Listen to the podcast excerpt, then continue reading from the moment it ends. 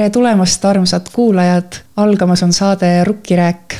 mis saade see Rukkirääk on, nimelt tegemist on uue Tartu Ülikooli Loodusmuuseumi ja Botaanikaaia podcastiga. saatekülalisteks on meie oma majalised, nii asutusesisesed kui ka asutusevälised tegelased. räägime Tartu Ülikooli Loodusmuuseumi ja Botaanikaaia tegemistest, muljetame loodusest, töökogemustest ja muudest seikadest. Minuga saates on siin meie maja Loodusmuuseumi entomoloog Mati Martin, tere tulemast! tere tulemast! esimene saade räägime täna sajast semestrist Tartu Ülikoolis ja uuenevast putukatoast.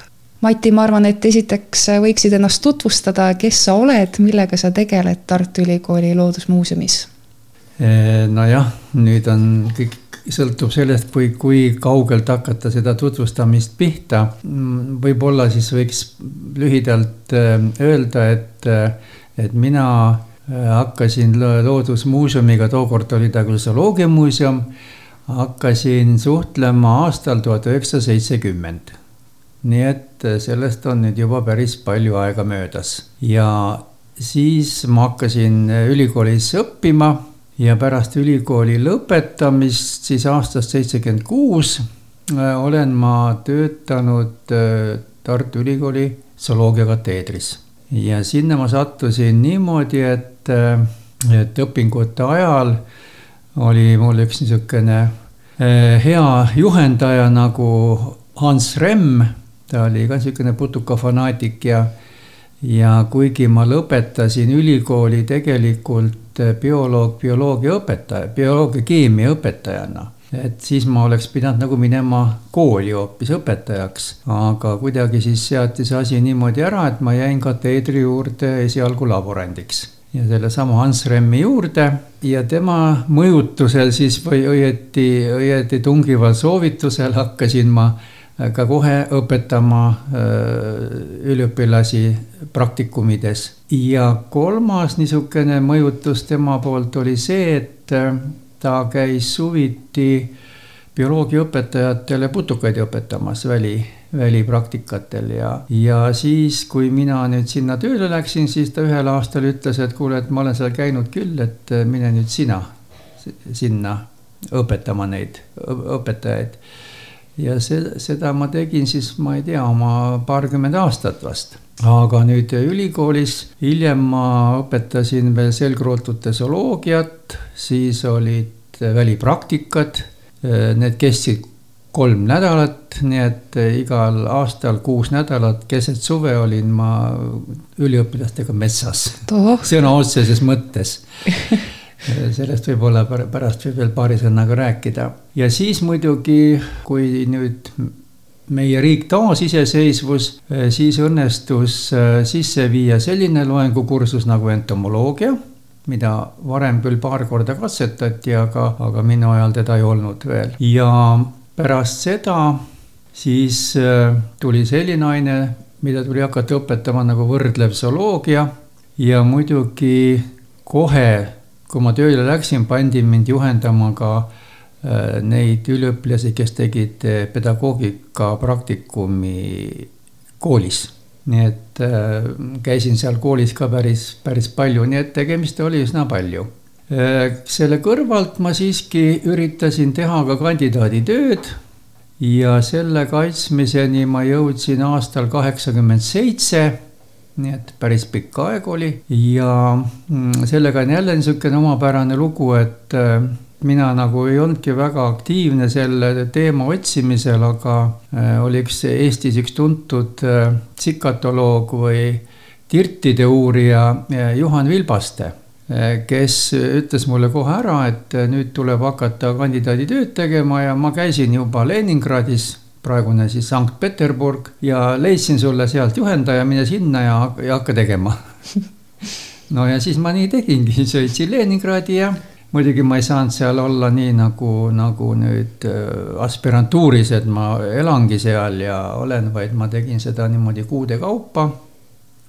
vahepeal olin seal, siis tõin materjali jälle koju, töötasin läbi, viisin tagasi ja, ja niimoodi siis jõudsime mm, lõpuks sinnamaani, et see töö sai valmis aga selle töö kaitsmisega tollel ajal olid üsna suured probleemid, sest see oli niisugune Nõukogude Liidu keskne õppeasutus ja, ja see, või õieti teadusasutus ja, ja seal olid pikad järjekorrad. ja siis soovitati mulle, et otsi kuskil mujal kaitsmise koht. ja siis ma leidsin selle Kiievist, Ukrainast hoopis. ja nagu ma ütlesin, siis aastal kaheksakümmend seitse, aga ma arvan, et paljud mäletavad, et aastal tuhat üheksasada kaheksakümmend kuus oli Tšernobõli selles äh, tuumajaamas äh, avarii. Ja see Tšernobõl ei ole Kiievist nüüd nii väga lähedal, aga, aga mitte ka väga kaugel, nii et isegi aasta hiljem veel ma juhtusin sinna sügisel minema. oli seal siis selline lugu, et tänavate ääres olid niisugused kahe-kolme meetri kõrgused kotid, paar meetrit läbimõõdus või veel rohkem, ma ei, täpselt neid ei oska öelda. ja sinna koguti kõik puulehed, mis kukkusid maha, koguti sinna ja siis need siis visati lõpuks ühte kaevanduse šahti kõik, nii et maeti, maeti ära ja arvati siis, et need lehed noh, niimoodi saab sellest kiirgusest seal lahti. no vot, niisugune seik oli seal selle kaitsmisega veel seoses. Ja noh, pärast seda siis hakkas üks õpetamise töö, mis kestis siis aastani kaks tuhat kuusteist, kui ma siis otsustasin, et äh, aitab nüüd õpetamisest ja, ja siis ma kolisin üle muuseumisse. Ja võib-olla on veel huvitav huvitav nüanss, et äh, ma töötasin kolmandal korrusel äh, seal Vanemuise majas ja nüüd, kui ma muuseumisse tulin, siis pandi mind töötama keldrikorrusele ja see on nii täiesti loomulik, et kõik vanad asjad ju viiakse keldrisse või, või pööningule, nii et hea, et ma pööningule ei sattunud, vaid keldrisse. Sina said hiljuti tunnustuse sada semestrit Tartu Ülikoolis, et selle teenete märgiga tunnustab siis rektor töötajaid, kes on oma tööelu pühendanud Tartu Ülikooli arendamisele. kuidas sa võtaksid kokku need viiskümmend aastat? meenuta oma vahvaid seikasid. no üliõpilastega muidugi on olnud igasuguseid seiklusi ja, ja võib-olla, et kõigist ei olegi vaja rääkida, mis, mis praktikumidel kõik korda saadeti aga, aga üks asi on mul meeles, kui me elasime kogu see kuus nädalat, siis äh, selle kolleegi Hans Remmiga ühes mahajäetud majas. asi oli nimelt selles, et me pidime suvepraktikaks ise praktikabaasid otsima, neid ei olnud ülikoolil. ja siis me leidsime ühel aastal siit Lõuna-Eestist ühe mahajäetud koolimaja, saime kaubale selle omanikuga, et jah, me võime seal olla aga kui me sisse läksime, siis seal vist paar lauda ja mõni tool oli ja, ja rohkem ei olnudki midagi, katkine pliit ja siis kõigepealt remontisime pliidi ära, et saaks siis süüa teha seal, sest üliõpilased ise tegid süüa. ja kuna mingis, mingit muud mööblit seal eriti ei olnud, siis me magasime kogu see kuus nädalat äh, heinte peal. tõime heinad sisse ja magasime seal et vot niisugune oli praktika ja maja katus lasi vett läbi, nii et me pidime vaatama, et töölauad said nii seatud, et vesi ei tilguks peale neile. aga siis äh, seal tüdrukud läksid ühel päeval natukene poisse kimbutama, seal ronisid ka sinna pööningule ja tahtsid siis sealt ühest luugist äh, poistele vist vett kallata või midagi teha. aga enne kahjuks vajusid nad läbi selle lae ja kukkusid poiste tuppa nii et vot sihuke seiku on, aga, aga õnneks on kõik seigad õnnelikult lõppenud, ei ole, ei ole väga hullu midagi juhtunud selles mõttes. ja nüüd, kui mm, tulla tagasi selle kateedri ja zooloogia muuseumi suhete juurde, siis tegelikult äh, tookord zooloogia muuseum allus kateedri juhatajale, aga kuigi muuseumis oli ka oma juhataja olemas, nii et äh, meie juhataja oli siis nagu teaduslik juhendaja ja, ja seal siis äh, jälle muuseumiga seoses äh, töötas seal üks äh, proua. Ja mina, kui tööle läksin, kohe see oli aastal seitsekümmend, tuhat üheksasada seitsekümmend kuus, tuli tema minu juurde sügisel ja ütles, et teate, et mul on tervisega natukene probleeme, aga vaata, et ma õpetan Tartu viienda keskkooli bioloogia eriklassis zooloogiat, et kas sa ei tahaks minu asemel need, need tunnid ära teha. no ma mõtlesin, see mõni tund teha, et saab terveks ja, ja, ja ongi kõik. aga siis selgus, et tema haigus oli ikka väga tõsine ja ta enam meile tööle ei tulnudki, mis siis tähendas seda, et järgmised kümme aastat ma siis tegin seda tööd seal Tamme gümnaasiumi õpilastega. ja õpilastega veel seoses, siis ma lõpetasin ära, aga mõne aasta pärast kaubeldi mind uuesti õpilasi õpetama, aga seekord siis Treffneri gümnaasiumisse. ja seal ma siis olin ka kakskümmend aastat, nii et, et vot sihukene on minu tegevus olnud. ja noh, muidugi muuseumiga seoses käisime kahel Kaug-Ida ekspeditsioonil koos ja sealt üks niisugune päris huvitav seik oli selline tookord lennukid ei olnud sellised nagu praegu, vaid nad lendasid palju lühemaid maid, nii et me tegime eks kolm või neli vahemaandumist, enne kui me sinna pärale jõudsime. ja tagasitee oli siis samasugune. juhtus siis niimoodi, et meil oli seal maopüüdjaid kaasas, kes, keda huvitasid maod. ja maod pannakse siis riidekotikese sisse ja sellega tuuakse nad kaasa noh, need ei olnud küll mürkmaod mitte ja siis juhtus selline asi, et äh, tõime need maod portfelli sees, niisugused vanasti olid sellised käepidemega portfellid nahast, panime nad sinna sisse ja tõime lennukisse. ega siis ei olnud sellist kontrolli nagu praegu, või siis võisid sa ükskõik mida sinna lennukisse tuua. ja meie kohad millegipärast olid täiesti sabas, viimased kohad ja seal taga oli niisugune nagu lame, niisugune mitte laud otse, aga niisugune lame pind ja kuna tee oli pikk, siis mõtlesime, et võtame nad sealt välja ja paneme sinna, saavad õhku. ja panimegi sinna. peale esimest vahemaandumist me tuleme lennukisse ja stjuardessid vaatavad meid kuidagi väga kahtlase näoga niimoodi, et no vaatasime kohe, et midagi on nüüd lahti. Läksime siis sinna taha oma kohtadele ja, ja siis seal oli selline kord, et toitlustamist alustati iga kord, kui lennuk õhku tõusis, eest tahapoole ja siis järsku millegipärast tulid nemad meie juurde kõigepealt, andsid siis toidu üle ja, ja küsivad, et mis teil seal äh, kottidest on taga, selja taga. ja üks äh, niisugune naljamees meil ütles, et oh, et need on konnad. ja siis äh, stjuardess ütleb, et aga mis konnad need on, mis niimoodi siuglevad no siis oli selge, nemad olid arvanud, et gaasi, need hingamismaskid on jäänud neil laokile sinna ja hakkasid neid kokku korjama. ja siis selgus, et need ei olnudki mitte need hingamismaskid või hapnikumaskid, vaid need olid meie, meie maad. nii põnev on kuulda ja. ägedaid seikasid ja Mati, sul on ikka väga värvikas kogemuste pagas. aga võib-olla räägid kuulajatele natukese, mis on praegu sinu töölaual, kus oled keldris tegutsemas no kuulajate seisukohalt ma arvan, mu töö on suhteliselt igav. sest äh, ma tegelen putukate ümbertõstmisega ühest kastist teise ja vahepeal siis vaatan, kust see putukas on püütud, kuna on püütud, kes on püüdnud. kannan need siis äh, Pluto-Fi andmebaasi, panen sinna vastava koodi nõela otsa lisaks veel ja siis läheb see putukas põhikollektsiooni. aga siis ma jah, no ma olen natukene põhjalikumalt kiilidega tegelenud viimased võib-olla kuus-seitse aastat ja ja siis kiili kollektsioon ongi võib-olla on praegu mul niisugune kõige, kõige parem asi, kus umbes kuus tuhat eksemplari on ja need on siis kõik andmebaasi kantud, määratud, kontrollitud ja siis ma muidugi olen äh, väljas ka käinud neid äh, korjamas. mul oli üks rabade projekt ja, ja siis oli üks projekt, mis tutvustas kiile huvilistele. nii et ma võtsin huvilised kaasa ja läksime siis äh, kiile uurima. nii et sellist asja ma olen teinud.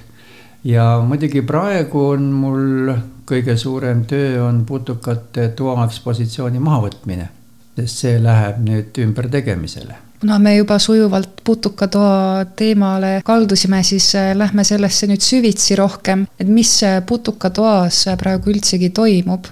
seal toimub üks niisugune invasioon, kahjurite invasioon aga kui tõsisemalt rääkida, siis jah, needsamad kahjurid ongi põhjuseks, miks tuleb see ekspositsioon ümber teha. et äh, juhtus niimoodi, et äh, kui see ruum kohaldati putukate eksponeerimiseks, siis kahjuks ei jälgitud päris neid nõudeid, mis, mis putukate eksponeerimiseks on vajalikud. ja nii õnnestus nendel kahjuritel nüüd sinna vitriinidesse tungida ja neid putukaid hävitama hakata. et nüüd see tehakse siis niimoodi ümber, et me paneme putukad enam-vähem kahjurikindlatesse kastidesse Need on siis pleksiklaasist ja läbi selle on ilusasti kõik näha, nii nagu ennegi.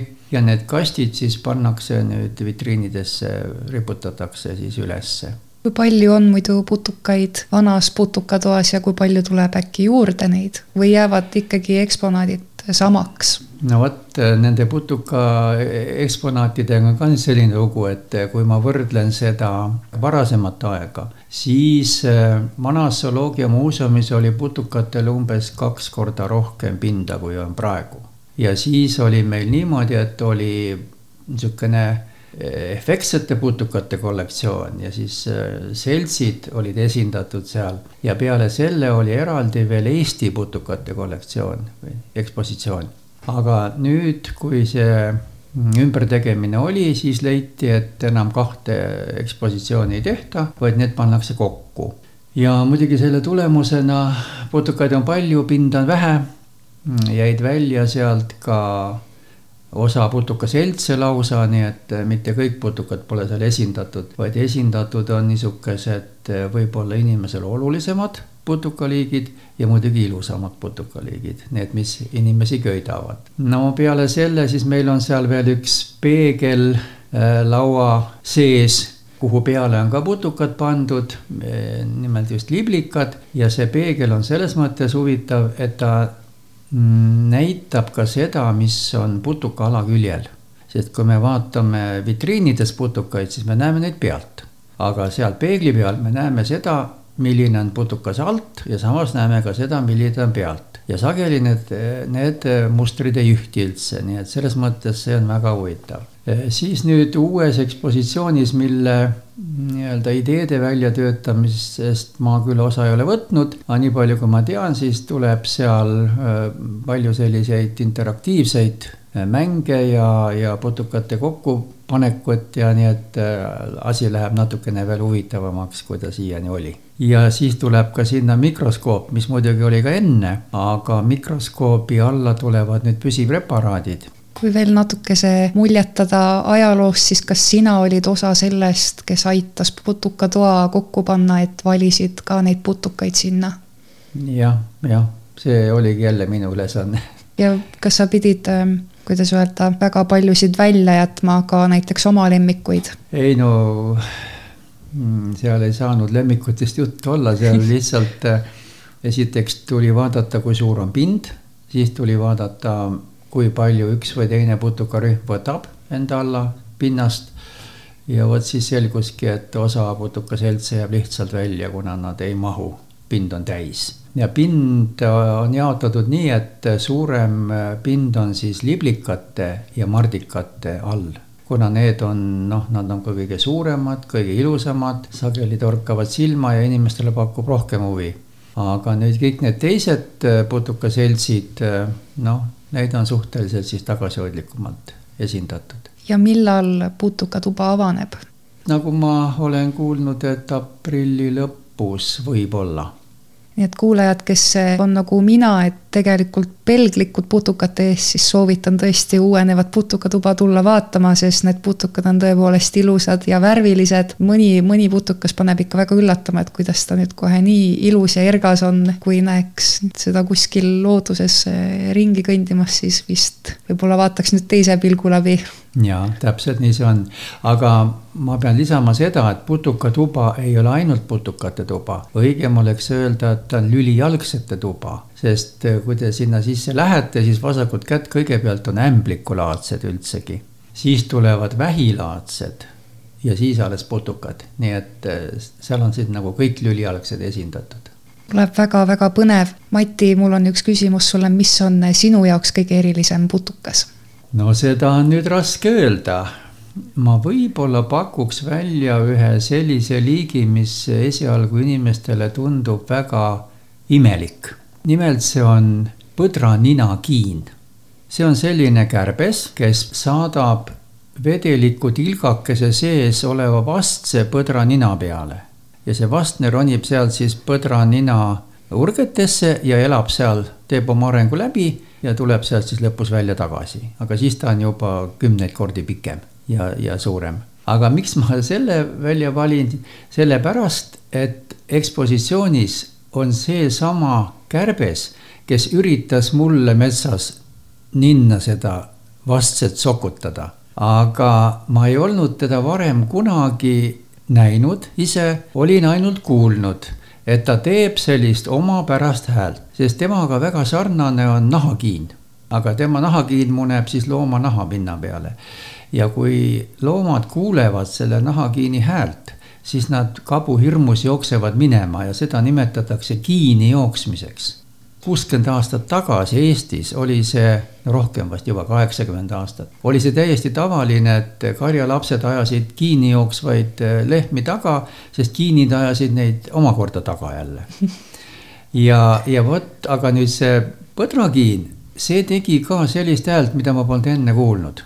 ja siis see, see tõmbaski mu tähelepanu ja siis tema tuleb niimoodi näo ette ja hakkab edasi-tagasi pendeldama nagu sihiks nüüd sinna nina peale ja esimene kord ma lõin ta käega lihtsalt ära, mõtlesin, et kimalane on sattunud mulle sinna nina ette. aga siis, kui ta tagasi tuli teist korda, siis ma sain aru, ahaa, selge, kes see on ja püüdsin ta kinni ja see on nüüd seal nõelaga torgatud ekspositsiooni. et äh, võib-olla siit üks selline soovitus, et otsige üles see kiin, see on olemas seal. ja mina lähen kindlasti üles otsima kuidas siis äh, põder käitub, kas ta tunneb üldse, kui Jaa, see kiin tuleb? muidugi, täpselt samamoodi kui veisedki ja ta üritab seda kiini ka eemale kuidagi ajada. ja mis nad siis teevad, kui nad ei suuda seda kiini eemale ajada, siis nad sageli lähevad pärast seda kiinirünnakut, otsivad üles kuiva liivaga koha ja tõmbavad endale liiva ninna. ja see mõnikord aitab aga ega ta palju ei aita. ja, ja neid on muidugi metskitsedel on väga palju, nii et äh, selle kohta on isegi Eestis tehtud üks magistritöö, kes tahab, võib väga põhjalikult lugeda nende kohta. ja kes neid tahab looduses näha, sellel tuleb minna Suure Munamäe torni. täpset aega ma ei oska öelda, aga see on juuli teine pool, augusti esimene pool ja ronida sinna siis äh, ülesse torni ja vaadata lõuna poole, kui päike paistab, siis kui te aknast välja vaatate, siis näete, et seal seina peal istuvad niisugused väikesed kimalase moodi putukad. vot need on kõik isased ninakiinid, kes seal istuvad ja ootavad, kuna neile külla tulevad äh, emased kiinid, kellega nad siis paarituvad. emased lähevad poegi kasvatama, isased passivad seal natuke aega edasi ja lõpus surevad ära. head kuulajad, meil on ka selline eriline osa saate lõpus äh, palume saatekülalisel esitada üks äh, erialane viktoriini küsimus ja selle küsimusele saab vastuse järgmise saate alguses. Mati, mis on sinu küsimus kuulajatele? no ma mõtlesin tükk aega, et mis võiks olla muuseumis sellist huvitavat, äh, mis, ähm, mille kohta võiks uurida natukene veel ja siis leidsin, et seal ekspositsioonis on üks väga omapärane loom, õieti küll seal on kahjuks tema skelett ainult, aga ega see loom ei erine ka sellest skeletist palju rohkem, kui tal on elusad rakud veel küljes. nimelt Veenuse korv on tema nimi eesti keeles. Mm, ladina keeles on Euplectella officinalis, kes tahab guugeldada. minu küsimus oleks siis selline, et eh, milliste loomade hulka ta kuulub? see oleks küsimuse esimene osa teine osa oleks see, et millest koosneb tema skelett ja kolmas küsimus, et mis sellel kõigel on seost Jaapani kultuuriga? saate päid ragistada selle kuu aja jooksul ja praegu toimub Tartu Ülikooli botaanikaaias üks väga põnev seemnenäitus, kus on osalenud hästi palju lapsi kes on meisterdanud seemnetest väga ägedaid kunstiteoseid. nii et minge botaanikaaeda neid vaatama. aga Mati, suur aitäh saatesse tulemast, minul oli küll väga põnev ja meeldiv vestlus sinuga. palun, kohtumiseni järgmisel kuul